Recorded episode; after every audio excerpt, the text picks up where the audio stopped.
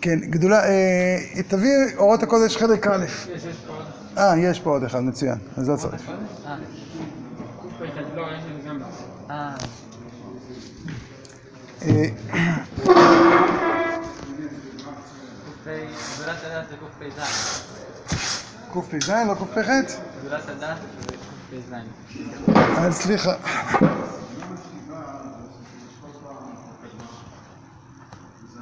נכון, אתה צודק. וגם אצלי זה כתוב. יש כאן, אה, אז גדולת הדעת היא העמידה שהדעת אינו אינו כוח מצייר בחוגו הפנימי לבד. אז יש לנו פה שתי הבחנות. אה, קודם כל, אה, כוח מצייר אמרנו מול כוח יוצר ובורא וחוגו הפנימי מול כל החוגים, כן? זה, זה ההשוואה פה. אומרת, נקודת המוצא של קטנות הדעת, אמרנו זה החוויה הסובייקטיבית, זאת אומרת, החוויה במובן הזה שהתחושה הקיומית ביותר של האדם זה החוויה הסובייקטיבית שלו. אה, והחוויה הזו היא, כלומר, כדי לתחום את, אפשר לקרוא לזה, את גבולותיה, כדי להגדיר לעצמה את, ה, את המיקום שלה, אז היא, אה, לא יודע אם כדי, אבל ככה זה. היא, היא, היא, אנחנו הרבה פעמים חשים שיש איזשהו נתק בינינו לבין העולם, כאילו אנחנו אה, פותחים חלון כדי לתפוס מה, מה קורה בעולם. אה, אנחנו, אה, אבל, אבל את, אה, רק על עצמי לספר ידעתי. נכון? זה התחושה המאוד אה, ראשונית, אה, לא ראשונית דווקא, אבל ההתבגרותית שלנו, זה, רק על עצמי לספר ידעתי. שאגב, בשיר הזה יש איזושהי סתירה פנימית. רק על עצמי לספר ידעתי צר עולמי כעולם נמלה, רחל המשוררת. לא מכירים? מכירים או לא מכירים?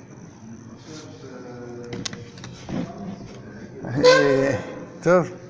לא, סתם, כי, כי נמלה זה, כשאנחנו מנסים לדמות לעצמנו מישהו שאין לו בכלל עצמיות, נמלה היא, היא בעל חיים שאין לו שום עצמיות, נכון? כאילו, זה תמיד אה, להקה, תמיד חלק מי, ותמיד אה, עמלה בשביל, אה, אפשר לקרוא לזה בשביל הכלל, כן? אז אה, כשאתה קורא את השיר הזה לאור זה, אתה אומר, אה, רק על עצמי לספר ידעתי צר עולמי כעולם נמלה, זה מוזר. אבל אה, אה, על כל פנים, החוויה ה... אה, אז החוויה הזו באה ואומרת, באמת, יש, יש לי יכולת להשפיע באופן, נקרא לזה, ישיר, רק על החוג הפנימי שלי. אני לא יכול להשפיע על משהו אחר. גם מה פירוש הביטוי, החוג הפנימי, זה גם שאלה. אבל בפשטות, כלומר, החוג הפנימי זה אותו חלק מודע שלי, זה נקרא החוג הפנימי שלי. אה, ולכן גם ה... מה זה כוח מצייר? כוח מצייר זה גם מדבר על האופן שבו אני קולט את המציאות, אבל יותר מזה באופן שבו אני מעבד דברים. איך אני מעבד דברים? איך אני מעבד את הקליטה שלי את המציאות, איך אני מעבד את המחשבות שלי, את הרגשות שלי, כן, זה, זה נקרא אה, ציור. זאת אומרת, אז פעם קודמת קצת הזכרנו את זה שציור, פירושו של דבר, אה, צורה של אה, ארגון, אפשר לקרוא לזה, של, אה, של המציאות. כלומר, כשאתה מצייר, אתה שם כל דבר במקום שלו.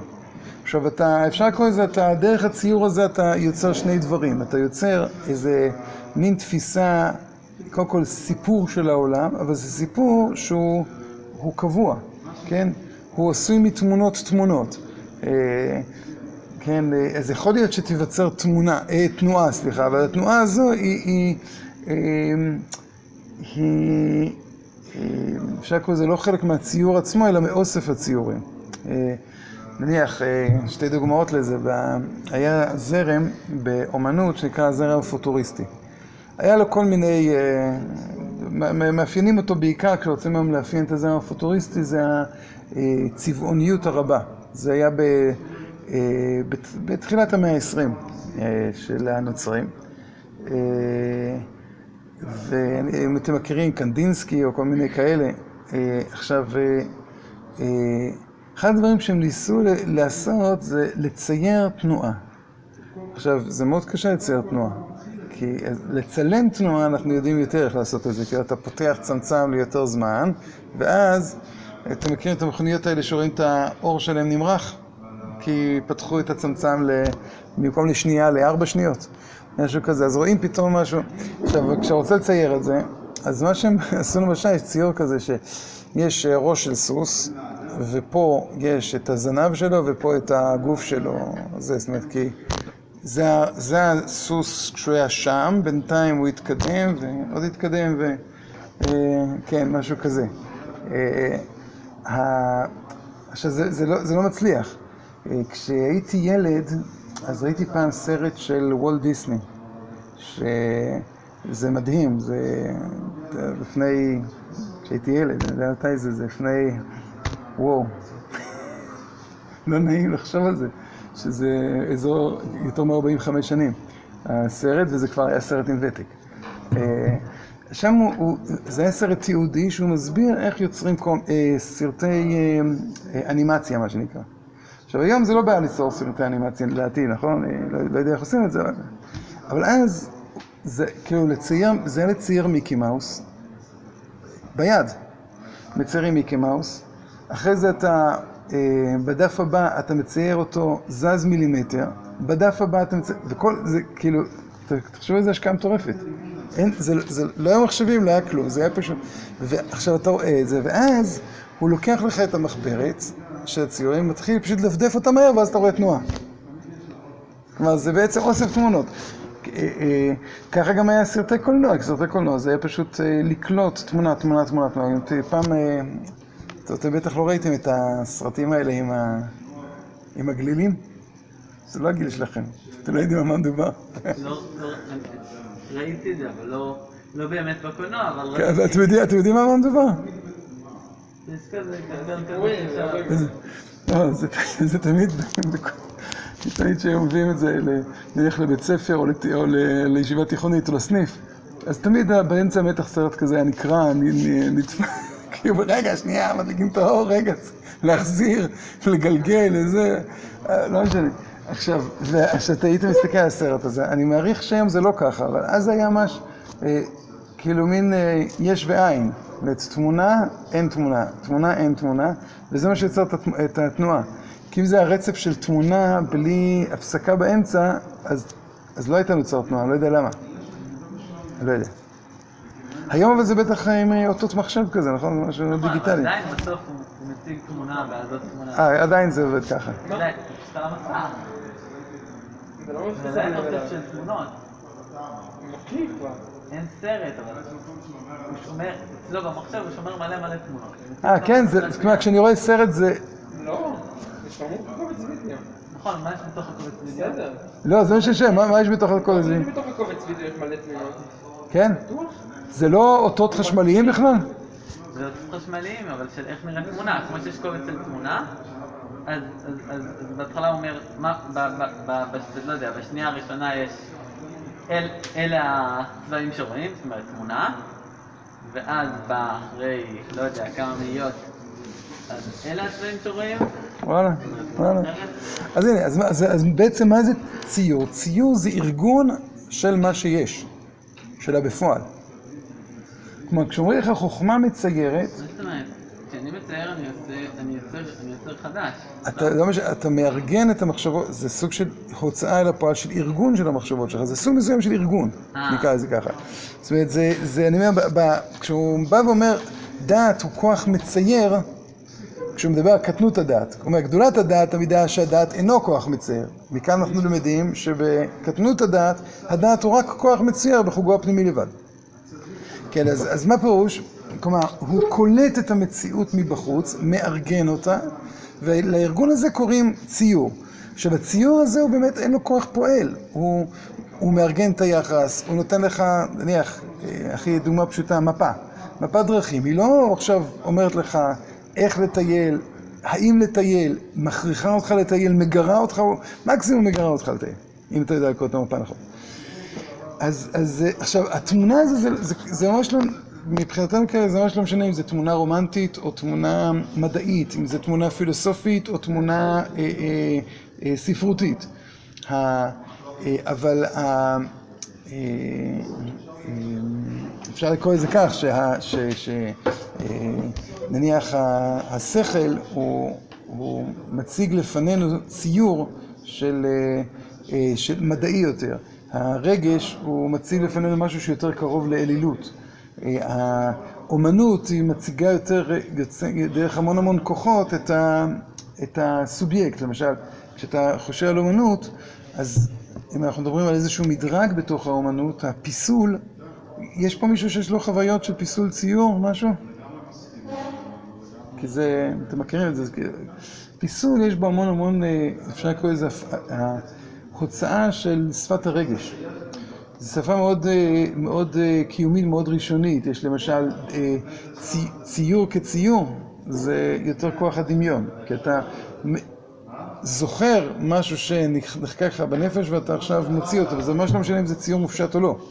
כן, ספרות, שירה, זה יותר שייך לשכל, מוזיקה יותר לרצון, לא משנה, אבל השאלה תמיד זה מה מידת ההשפעה על הנפש. אז כאילו יש פה כמה וכמה שלבים, יש את הציור, הציור עצמו הוא מנותק מעצמיותו של האדם, זה משפיע על החוג של האדם וגם זו השפעה מאוד מאוד חלקית. ועל החוג שמבחוץ מיד נראה. עכשיו, גדלות הדעת, גדולת הדעת, היא המידה שהדעת איננו כוח מצייר בחוגו הפנימי לבד, כי אם הוא יוצר ובורא בכל ציוריו, בכל החוגים ובכל ההתפשטויות. כן, זאת אומרת, המצב של גדלות הדעת זה לא ציור אלא יצירה, זה לא, זה לא רק איזשהו שיקוף של מה שיש, אלא בריאה, ולא רק בחוג הפנימי, אלא בכל החוגים ובכל ההתפשטויות. עכשיו, כשנטמעתה הקומה, כן, חטא אדם הראשון, נטמעת הדעת וירד ממעלתו למידת קטנות הדעת. שאיננו יכול לפרוש שום דבר, כי אם לצייר. וגם כוח הציור הזה הוא מרישום שנשאר בו מימי קדם. זאת אומרת, איך אתה בכלל מצליח לצייר? נניח, כשהיו הקרטוגרפים הראשונים, מציירי המפות דרכים הראשונים, אז היה חלק מאוד מאוד קטן של העולם שהם הכירו. אז היה להם סימונים מיוחדים לכל החלקים שהם לא מכירים. המון, והמון המון לא מוכר. עכשיו יש לך גם המון השערות. האם פה נמצאים מפלצות, פה שדים, פה אוכלי אדם, פה ריק. עכשיו, לפעמים גם היו מוסיפים מדמיונם. יש, בכלל, מיתולוגיות זה, זה תולדה של דמיון. זאת אומרת, כאילו, אדם מאוד מאוד נבון, הוא מנסה לפענח את העולם, ועכשיו יש לו המון המון חורים. איך אנחנו משלימים את החורים? אז לפעמים השכל מסוגל, אם זה חורים קטנים, השכל מסוגל לנסות להשלים. לא תמיד צודק, אבל הוא לפחות מנסה. אם זה חורים גדולים, אז אתה משלים את זה עם, עם דמיון. זאת אומרת, למשל, ילדים מאוד מאוד חכמים באזור גיל, טוב, גם, גם בגיל שמגיעים להתחיל לדעת, פתאום מתעוררים אצלם המון המון פחדים, זה משהו מאוד מוזר. זאת אומרת, אין לזה, זאת אומרת, ההסבר הפסיכולוגי בדרך כלל זה שבגלל שהוא פתאום מתחיל להבין מה שנעשה מסביבו. ומה שהוא מכיר מה שנעשה מסביבו, אז הוא מכיר מעט מאוד. ובגלל נבונותו הרבה, הוא מבין שהוא מבין, שיש הרבה דברים שהוא לא מבין. אז הדברים שהוא לא מבין, אז הוא צריך להתחיל להשלים. וזה באמת מאוד מפחיד. מאוד מפחיד. כן, של העולם, כן, איך, העולם בנוי, איך ה... עכשיו, כשאתה קורא מיתולוגיות, מיתולוגיה יוונית ונורדית, אז אתה רואה שיש לנו המון המון השלמות של פרטים דרך כוח הדמיון. עכשיו, אבל כוח, אבל עצם זה שיש לך פגישה עם עולם שלם, זה כבר, אפשר לקרוא לזה כבר שאלה, זה כבר קושייה. את הנפש, נקרא לזה נפש הבהמה, היא מכירה רק את מה שקרוב מאוד אליה. זאת אומרת, אם אתה תנסה לראיין חתול מה תמונת העולם שלו, לו- אין, מושג כזה תמונת עולם של חתול. יש לו פח ולא יודע, וקצת צמחייה מסביב. עולמו הוא מצומצם. אדם, יש לו איזושהי חתירה פנימית לפענח את כל המציאות ולא רק את מה שהוא חייב, לא רק את מה שהוא צריך, לא רק את מה ש... זאת אומרת, אה, קטנות האדם זה כשהוא מנסה אה, רק אה, לחיות את, את השרידות שלו. איינשטיין אומר שכשאתה. מגיע לאוויר הפסגות של המדעים, אתה חייב ללמוד לשמה. כלומר, אם אתה מנסה לחשוב מה זה, מה אני אעשה עם זה, איך אומרים, אין נפקא מינה, אתה כבר לא, ת- לא תבין. עכשיו, מאיפה זה בא? אז הוא אומר פה, זה כוח הרישום שנשאר במימי קדם. איזה כוח הרישום? זאת אומרת. אני, חושב שרישום פה זה לא רישום ביחס לציור, אלא הייתי קורא לזה מכוח הרושם שנשאר במי קדם. זאת אומרת, יש איזה משהו בנפש שנשאר מאוד מלפני החטא, את אותו יחס שיש בין, אדם, בין האדם לבין הכל. הזכרנו את זה שאת המושג הכל הוא מושג אה, מאוד בעייתי. כלומר, אה, אה, זה, איזושהי תפיסה, אפשר לקרוא לזה, שרואה אה, לא רק, אפשר לקרוא לזה, את כל פרטי העולם כגילוי של משהו שהוא אחד יותר מהם. כלומר, כשאתה מדבר על כל, אתה לא מדבר על אחד ועוד אחד ועוד אחד ועוד אחד ועוד אחד שווה חמש. אתה אומר, יש איזשהו משהו, אחד, נניח, כשהרמב"ם מדבר בשמונה פרקים על נפש האדם אחת, אז, אז מה הכוונה של נפש האדם אחת? זאת אומרת, כשאתה מסתכל על האדם, אתה יכול עכשיו לפרק אותו להמון המון אה, גילויי חיים. ואתה גם יכול לדבר על המון המון סתירות בין גילויי החיים, בין זה לזה. אה, אבל לא, נפש האדם אחת. איפה, אתה שואל, ואיפה האחד הזה נמצא? האחד הזה מתגלה פה ומתגלה פה ומתגלה פה ומתגלה פה. זאת אומרת, כל גילויי החיים זה גילוי של משהו שהוא, שאת הנקודת כל עצמה אתה לא יכול לשים עליה את האצבע. המדע בדרכו, הדמיון בדרכו, האלילות בדרכה, הרגש בדרכו, כל אלה נשאר בהם איזושהי כמיהה אה, מאוד מאוד גדולה למושג קול. הם שובים את המושג קול במושגים לפעמים מאוד מאוד אה, קטנים, לא, אה, כן, אה, לא, אה, לא רואים את כל המרחב כולו. השאיפה, זה נקרא הרישום שנשאר במקדם.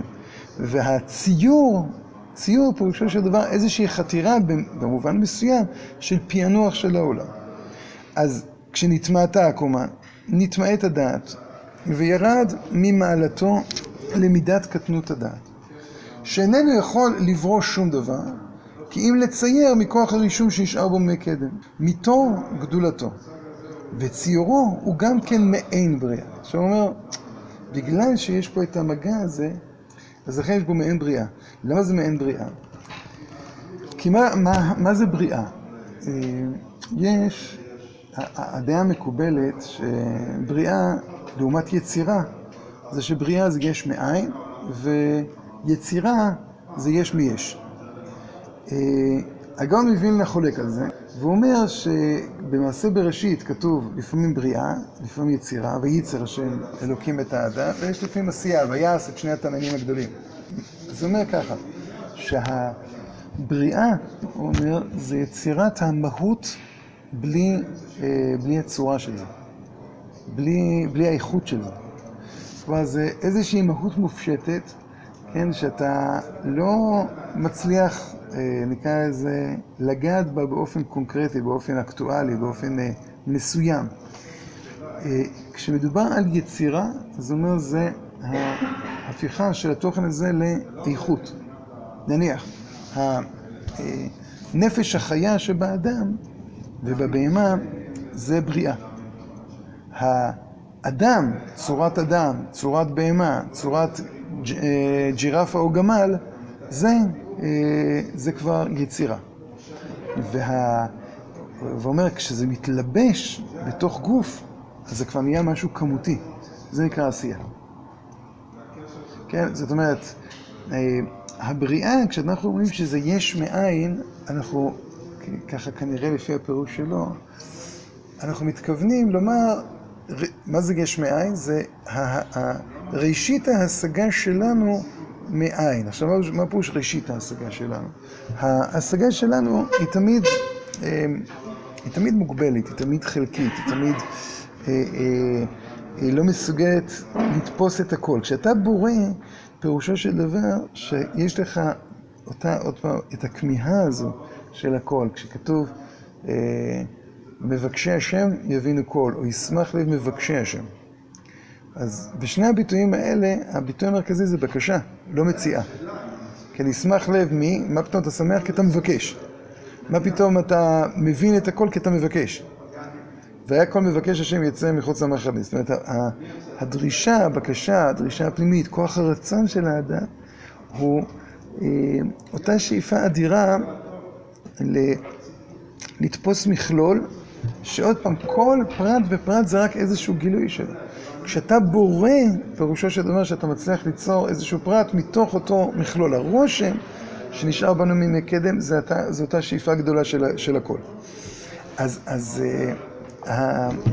אז, עכשיו עוד פעם. הזכרנו פעם קודמת, הכוח שמאפיין את קטנות הדעת זה הציור. כאן אומר, גם בציור, גם בקטנות הדעת, יש משהו מגדלות הדעת, מתוך גדולתו. וציורו הוא גם כן מעין בריאה. אבל, אבל איננו מתפשט חוץ מחוגו הפנימי. וכשרוצה לפעול עוד בכוח ציוריו על החוגים החיצוניים, צריך הוא לרדת ממעלתו עוד, ולהתלבש בכוח כפיים, עד שהוא מגשם על ידי זה את ציוריו בחוגים חוציים. זאת אומרת, כשאני עכשיו, עכשיו אנחנו רוצים לפעול אה, כפי מידת הכוח האפשרי להתפשט על ידי קורת כפיים. אז כשאנחנו רוצים לפעול על המציאות, אז זה שאני חושב זה לא מספיק. זה שאני מתפלל זה לא מספיק. זה שאני אני, אני רוצה זה לא מספיק. זה שאני מתבונן זה לא מספיק. זה לפעול. אמרנו שכאן אנחנו כבר רואים את אחד המקורות שבקטנות הדעת מונח ערש פנימי שכל הנתקה מן החול הקודש יציאה מישות לאפסיות. ואת עולם רוחני הוא עולם ש... אנחנו לא קונים איתו במכולת. עולם רוחני זה עולם שבעצם אין מה לעשות איתו. זה נכון, אנחנו נבוא נגיד, הנה, שהמהפכות הגדולות הן לכאורה תולדה של עולם רוחני. כזה או אחר. את המהפכה הצרפתית, אז זה לא מדויק לומר שהיא נבעה מאנשי רוח רק, אבל ברור שאחד הטריגרים המאוד משמעותיים זה אנשי רוח. המהפכה הקומוניסטית, בוודאי שהיא תולדה של אנשי רוח. אתה יכול לחלוק על ה... איך זה, על השיטה הרוחנית שלהם, על המסקנות הרוחניות שלהם, אבל זה הייתה מהפכה רוחנית, נוראה. אה, הנאציזם, שהוא איזשהו תוצר של אה, אה, בליל של רעיונות לאומיים כאלו או אחרים של המאה ה-19, זה תוצר רוחני. ואת זה לא, כן, אפילו אגב אלכסנדר מוקדון זה תוצר רוחני. האימפריאליזם. של אלכסנדר מוקדון זה היה כי הוא רצה להשליט את הרוח ההלנית על כל העולם. אבל אה, ה... אה, אלכסנדר מוקדון, שראה את עצמו כתלמידו של אריסטו, הוא בא ואומר, הנה, אריסטו חשב, חשב, חשב, חשב, מה זה... איך אני עכשיו מעביר את זה לעולם? על ידי זה שאני חושב, בטח לא. על ידי זה שזה נכון, גם לא. על ידי זה שאני אחנך, לא יעזור. כן, ה- המציאות הזו של, של, אה, כן, ל, ל, של הפעולה היא צריכה משהו מעשי. גם ללמד זה משהו מעשי. גם לדבר זה כבר משהו מעשי ביחס אל, ה, על ה, אל גדלות הדעת. אז, אז עכשיו זה מעביר לנו איזה מין מרכז כובד שבסוף, בסוף, בסוף, אחרי כל, כל המחשבות הגדולות, מה שישפיע בעולם זה, זה המעשה. אתה יכול לבוא ולהגיד שזה לא נכון, אתה יכול לבוא ולהגיד שבסוף הרוח משפיע, זה, זה ויכוח מאוד מאוד גדול, מי משפיע. אה, אני חושב שהיום אנחנו רואים שמאוד מאוד שאידיאולוגיה זה דבר שהוא, שהוא הוא משפיע. אידיאולוגיות, מחשבות, אבל עדיין, גם כשאנחנו מציינים שמחשבות, זה רק מחשבות כאלה שיש להם כוח של מקלדת. כן, שיש להם איזה יכולת אה, הדהוד בעולם.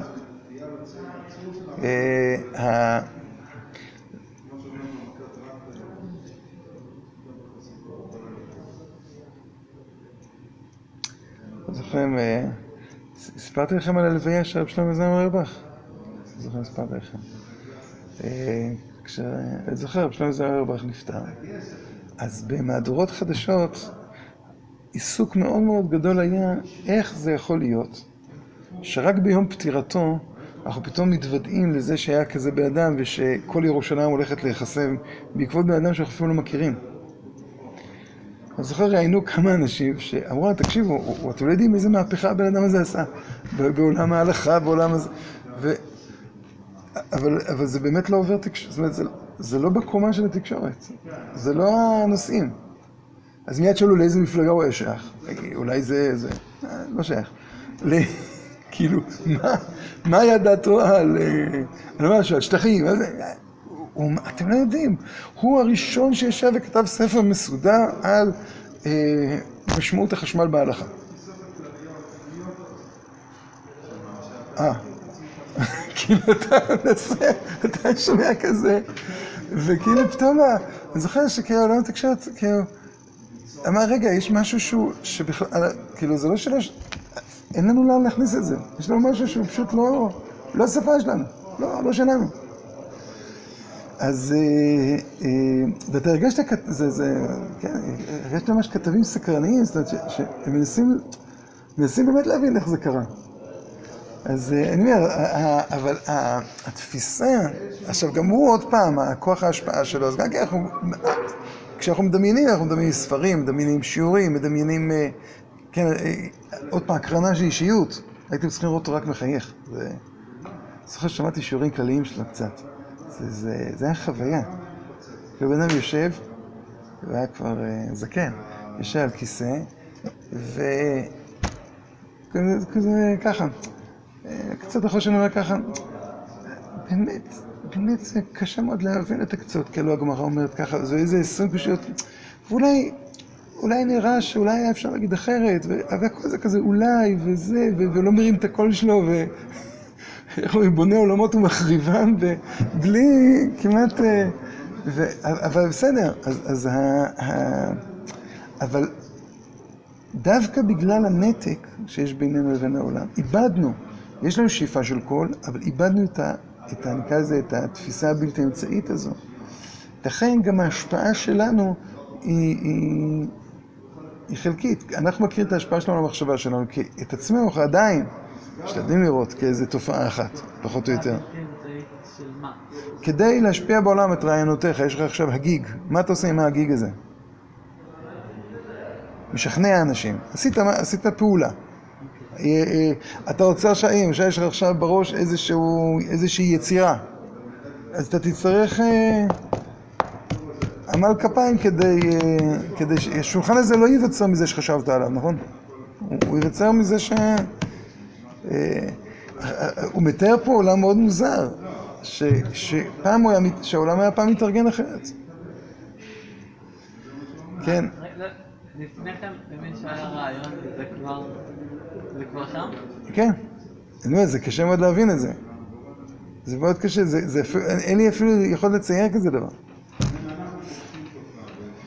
וכשרוצה לפעול בכוח ציוריו ולחוגים החיצוניים צריך לרדת ממעלתו עוד ולהתלבש בכוח כפיים שהוא מגשר על ידי זה ציוריו ולחוגים חוציים כפי מידת הכוח האפשרי להתפשט. גם זה, זה מוגבל על ידי פעולת כפיים. על ידי מה שהם שואבים את כוחם הנשמתי מאור הדעת עד שמתגלמת למשל צורת הבית מנשמתו של המונה בחומר הבניין.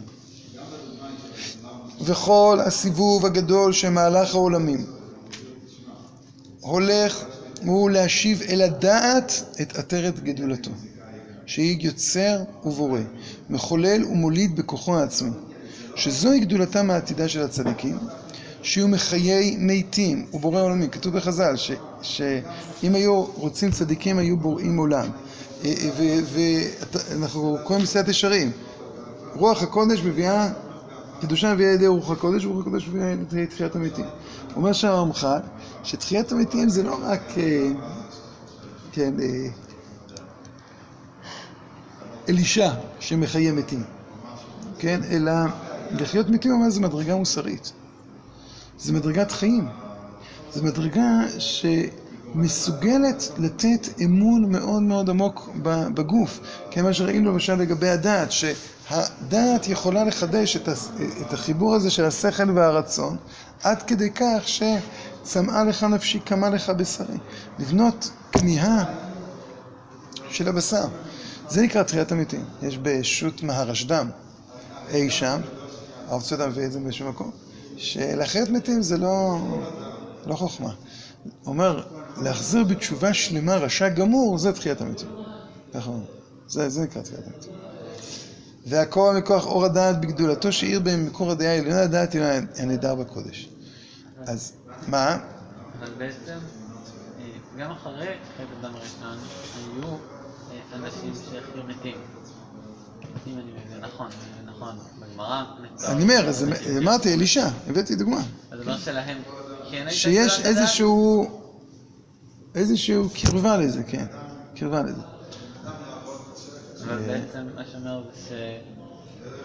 תחיית המתים בתור תוכן קבוע, זה צריך להיות תוכן קבוע של העולם, של... של אה, זה, זה בעצם אה, מתקשר עם זה, אה, אז זה בעצם, עכשיו פתאום, יש, זה קשור בעצם ל, לזה שהמוות הופיע בחטא הדם הראשון? כן, כן, אבל לא ניכנס לזה עכשיו, לא ניכנס לזה עכשיו, זה קשור מאוד, אבל לא ניכנס לזה עכשיו. אה, עכשיו, אה, אה, תפתחו בבקשה עכשיו את קובץ א', קל"א. או מוסר הקודש עמוד פ"ח, אם אתם לא מוצאים... אה, זה ש- זה פה ושם. אתה מביא משם?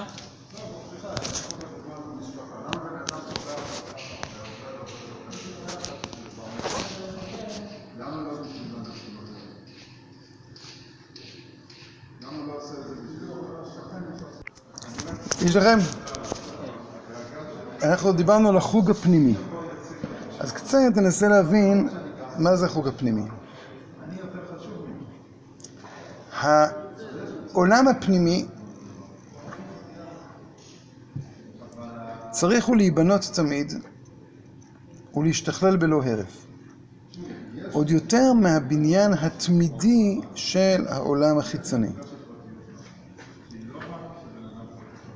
זה משפט שקשה מאוד להבין אותו, ננסה, לפחות נקרא אותו, אולי פעם הבאה ננסה קצת יותר לה- להבין אותו. אה,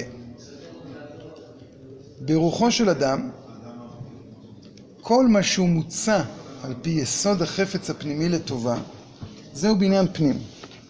וכל מה שהחפץ הפנימי עומד מרחוק או איננו משתתף בזה, הרי הוא בניין חוץ. אפילו ההכרה המדעית איננה נחשבת לבניין פנים, כי אם כשהיא משתכללת כל כך, על לכדי הטבעת הרצון היותר עמוק על פיה. אבל כל זמן שתהיה רק מציירת והוגה, עוד פעם את הביטוי ציור, וכאן הוא מוסיף גם הגייה, כלומר אה, מחושבת, וחפץ הלב בחייו איננו נוטל חלק במעמק החיים הציוריים הללו. חפץ הלב, אמרנו שמי מי יכול להניע את חפץ הלב זה הדעת. וזה הבעיה של קטנות הדעת. קטנות הדעת היא לא מצליחה עד הסוף להניע את החיים. אפילו את החוג הפנימי. הרי זה רק בניין חיצוני שאין ההשלמה היחידית והציבורית נבנית בהם בניין הדעת. אה,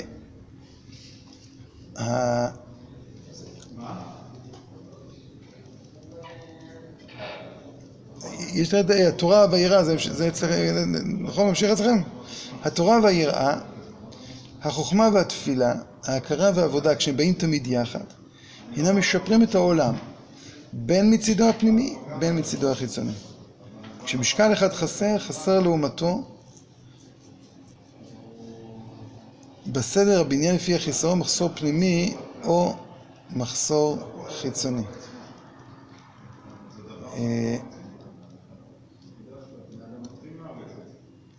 איפה זה ממשיך לכם? איך איך? ההכרות צריכות להיות נמסרות תמיד לפי אותה המידה שיזעזעו. מה זה יזעזעו? יזעזעו זה, הכוונה אצל הרב קוק זה להזיז. זה, אצלנו זעזוע תמיד יש בזה משהו שלילי, כן? כמו איזה רעידת אדמה.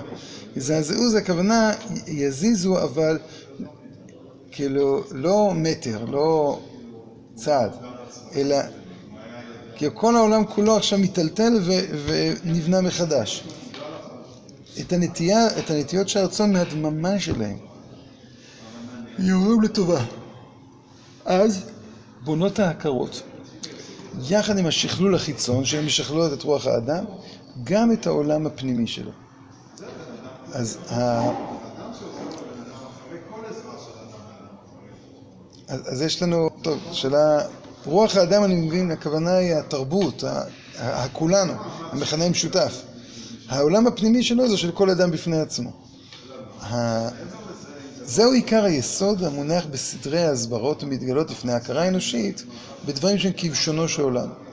בין שהן באות בדרך הדרישה החיפושית, בין שהן באות על ידי הופעות הרוח בגילוי המדע הפנימי, בין שהן באות בתחום נבואה ובהתגלות אלוהים. תמיד טבע הרוח הוא לבוא מעולף, אה, כעטוף, בצורות מגוונות בגוונים, שהם מלווים את העצמיות שבהכרה. והגוונים תמיד נותנים על ההכרה איזו עצמיות משלהם. והמדע טורח תמיד איך להכיר את ההכרה ביסוד הפנימי שלה. הוא הולך ונתקע בדרכו כמה פעמים עד שהוא מגיע בהמשך דורות ותקופות לידי איזה קירוב אל המקוריות שתחת הגוונים. ולמה לנו כל אלה? למה לא הובעו ולא הוכרו ההכרות התוכיות בעצמותם? אבל כשאנו באים לסכם את נקודות הבניין הפנימי שהוא יסוד היותר עיקרי בשחרור העולמי, אז נמצא שההכרות רק אז תפעלנה לחפץ לפי המגמה הטובה שבהן דווקא כשהן באות בתחילתן מגוונות. והגוונים מולידים נטיות של חפץ לטובה, בדוגמה שלמה, לפי התכונה שהתמצית הטוב של המבוקש שבהכרות. וכל מה שתתחולל יותר דעתו של האדם הפרטי והכללי, כך מתקרב הוא יותר ל... לה, לה, לה, משהו דילג לי? אה, נכון. אבל עם זה, כיוון שהולידו הגוונים את התנועה של התמצית הפנימית שבהכרה, שהוא נטיית החפץ הטוב, שהוא המוסר שבהכרה, הולכת הולדה זו ומתרבה דווקא עם ההסרה של הגוונים החיצוניים והעמידה על המקוריות הטהורה שבעצמות ההכרה. אבל אם היו ההכרות באות ערומות חשופות בתוכיותן כמו שהן, אז לא היה כל מקום את החיים הנפשיים הפנימיים. וההכרות הן משתקפות בציורי הנפש, כמו שמשתקפות ההכרות החיצוניות של החושים, וזה אדם נכנס לעולם שהוא כולו זר לו. שאומנם מתרשמות הן על רשת העצבים של חוש הרעות, מתוות הן את התווים שלהם בלוח החיים, אבל אינם מעמיקים בו את הווייתם. אינם משתרשים בנשמה לשאת ענף ופרה ולהתהפך לעצם מעצמיו הפנימיים של האדם, לגדל את איכותו. ואוי אוי היה לעולם כולו עם תכונת הדעת, שהיא זיו החיים, הייתה עומדת בצורה כזאת והייתה מתמתמדת בלא הפסקה ולא תיקום כלל. הקובלנה המרה של לכתוב להם רובי תורתי כמו זן עכשיו, תחת שעל ידי הגוונים באה התוחלת של כי תבוא חוכמה בלבך אתה נפשך עינם, כי מוצאי מצאה חיים והפק רצון מהשם.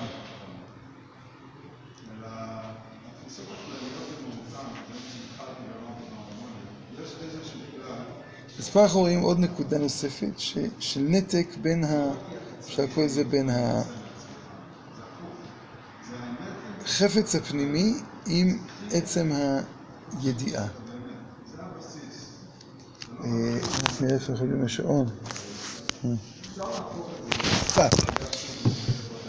אז בואו נתחיל עוד פעם. העולם הפנימי צריך להיבנות תמיד.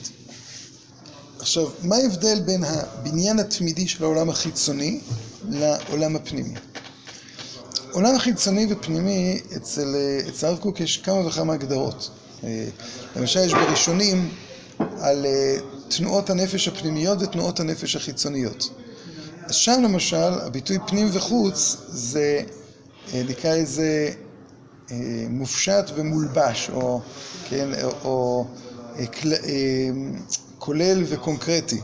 אומרת, נניח, יש לך את כוח הדמיון ככוח, זה כוח פנימי, ויש עכשיו שהוא קולט מהמציאות ומתחיל לאבד, זה כבר כוח חיצוני. הראייה זה כוח חיצוני של הדמיון. השמיעה זה כוח חיצוני של הדמיון.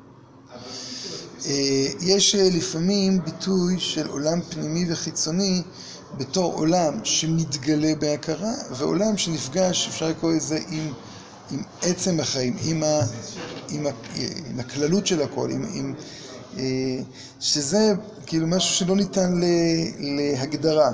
אה, יש כאן נראה שההגדרה היא שלישית, זאת אומרת הוא מדבר על עולם פנימי מול בניין תמידי של עולם חיצוני.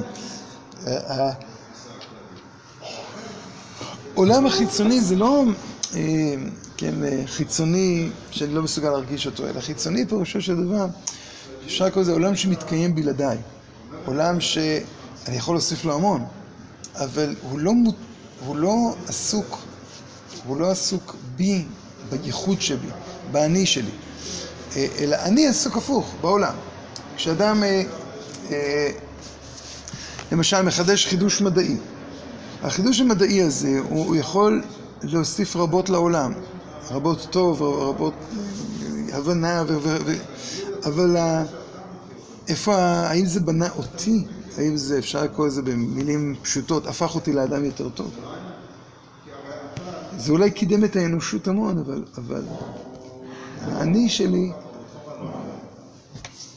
לא, לא, אה, נקרא לזה, לא, לא התפתח, לא, לא, לא נבנה. וה... אז למשל, במידות הראייה, שם הרב קוק מדבר על אה, מקובלים קצת, הם חושבים את עצמם למקובלים. שאומרים, אתה יודע שכל אה, מצווה היא מתקנת בעולמות העליונים, וכל הנהגה היא מתקנת בעולמות העליונים, וכשאתה אה, מזיז רגל ימין, אז אה, בעולם, בשמיים, מתרחש כך.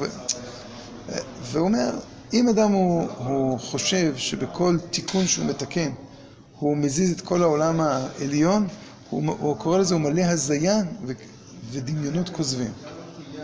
אבל אם הוא מבין שעיקר התיקון זה איך, הבחינה שלך של התיקון זה מה מתרחש בעולם הפנימי שלך, זה הנושא שלך. אז באמת הוא מתקן את כל, ה, את כל, ה, את כל העולם. אז אה, אנחנו נעצור פה, אנחנו נמשיך פעם הבאה. תסתכלו בבקשה במידות הראייה, אה, ערך תיקון, אות א', תיקון. זה הולך שם לפי מידות. אז אה, המידה כמעט האחרונה, אני חושב שהאחרונה תיקון. טוב, שמחתי להכיר אתכם. בעצם למרות שהוא כן משפיע על העולם, זה לא מה שאדם צריך לעסוק בו. כי בעצם כן אני חושב, ש... משפיע, אני לא חושב, אני. חושב שהייתי מדייק יותר, אם אדם חושב שהוא מש... אם זה משפיע על העולם ולא עליו, אז הוא כנראה הרבה פחות גם משפיע על העולם. זאת אומרת, זה, זה כאילו, זה איכויות אחרות, הוא, הוא ידבר על זה בהמשך. וואו, השם יעזרנו.